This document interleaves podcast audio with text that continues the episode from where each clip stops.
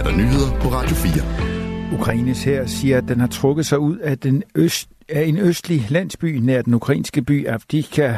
Vi har trukket os fra bebyggelsen Lastoshkyne i det østlige Ukraine, som Rusland har sagt, det har indtaget, hedder det en ukrainsk presseerklæring. Russerne har vundet kontrol over landsbyen få dage efter, at de indtog den ukrainske by Avdika. Det skriver Reuters. En talskvinde for Alexei Navalny siger i en video på YouTube, at den afdøde oppositionspolitiker blev dræbt, fordi han stod til at blive udvekslet. Navalny skulle frigives sammen med to amerikanske fanger til gengæld for frigivelsen af en russisk drabsmand, Vadim Krasikov, som er fængslet for livstid i et tysk fængsel, siger talskvinden ifølge Reuters. Ifølge talskvinden dræbte de russiske myndigheder Navalny. Det afviser det russiske styre. Navalny og to amerikanere skulle ifølge Talskvinden har været udvekslet med Krasikov, som er fra den russiske sikkerhedstjeneste FSB. Han er dømt for drab. Forhandlingerne om en udveksling var i den sidste og afgørende fase og skulle have været besluttet, da Navalny blev erklæret død. I det midtjyske er der efterhånden ved at være styr på ventetiderne for behandling af kræftpatienter efter kræftskandalen, der resulterede i fyringer og opsigelser.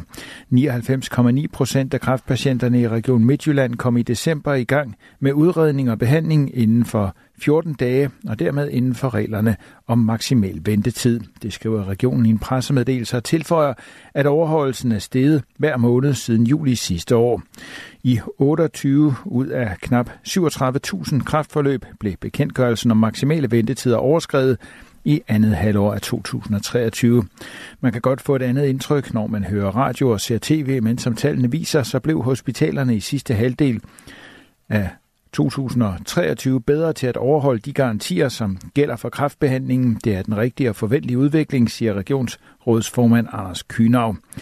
Regionen kom for alvor i stormvær sidste år, da DR afdækkede, hvordan patienter har ventet alt for længe på kræftbehandling på Aarhus Universitetshospital. Det resulterede i fyringer og opsigelser både i toppen og på gulvet.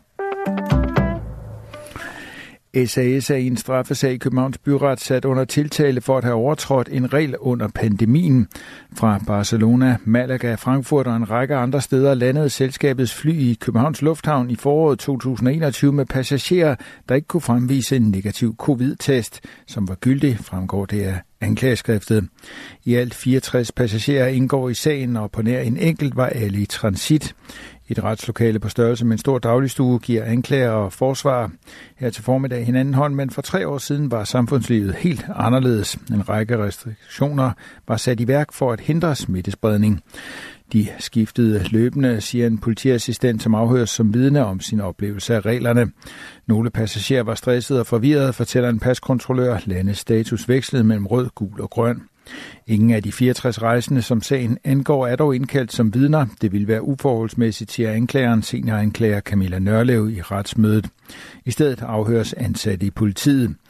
Luftfartsselskabet nægter sig skyldig, blandt andet henviser SAS til, at byretten i en tidligere prøvesag, som angik tre passagerer, frifandt selskabet.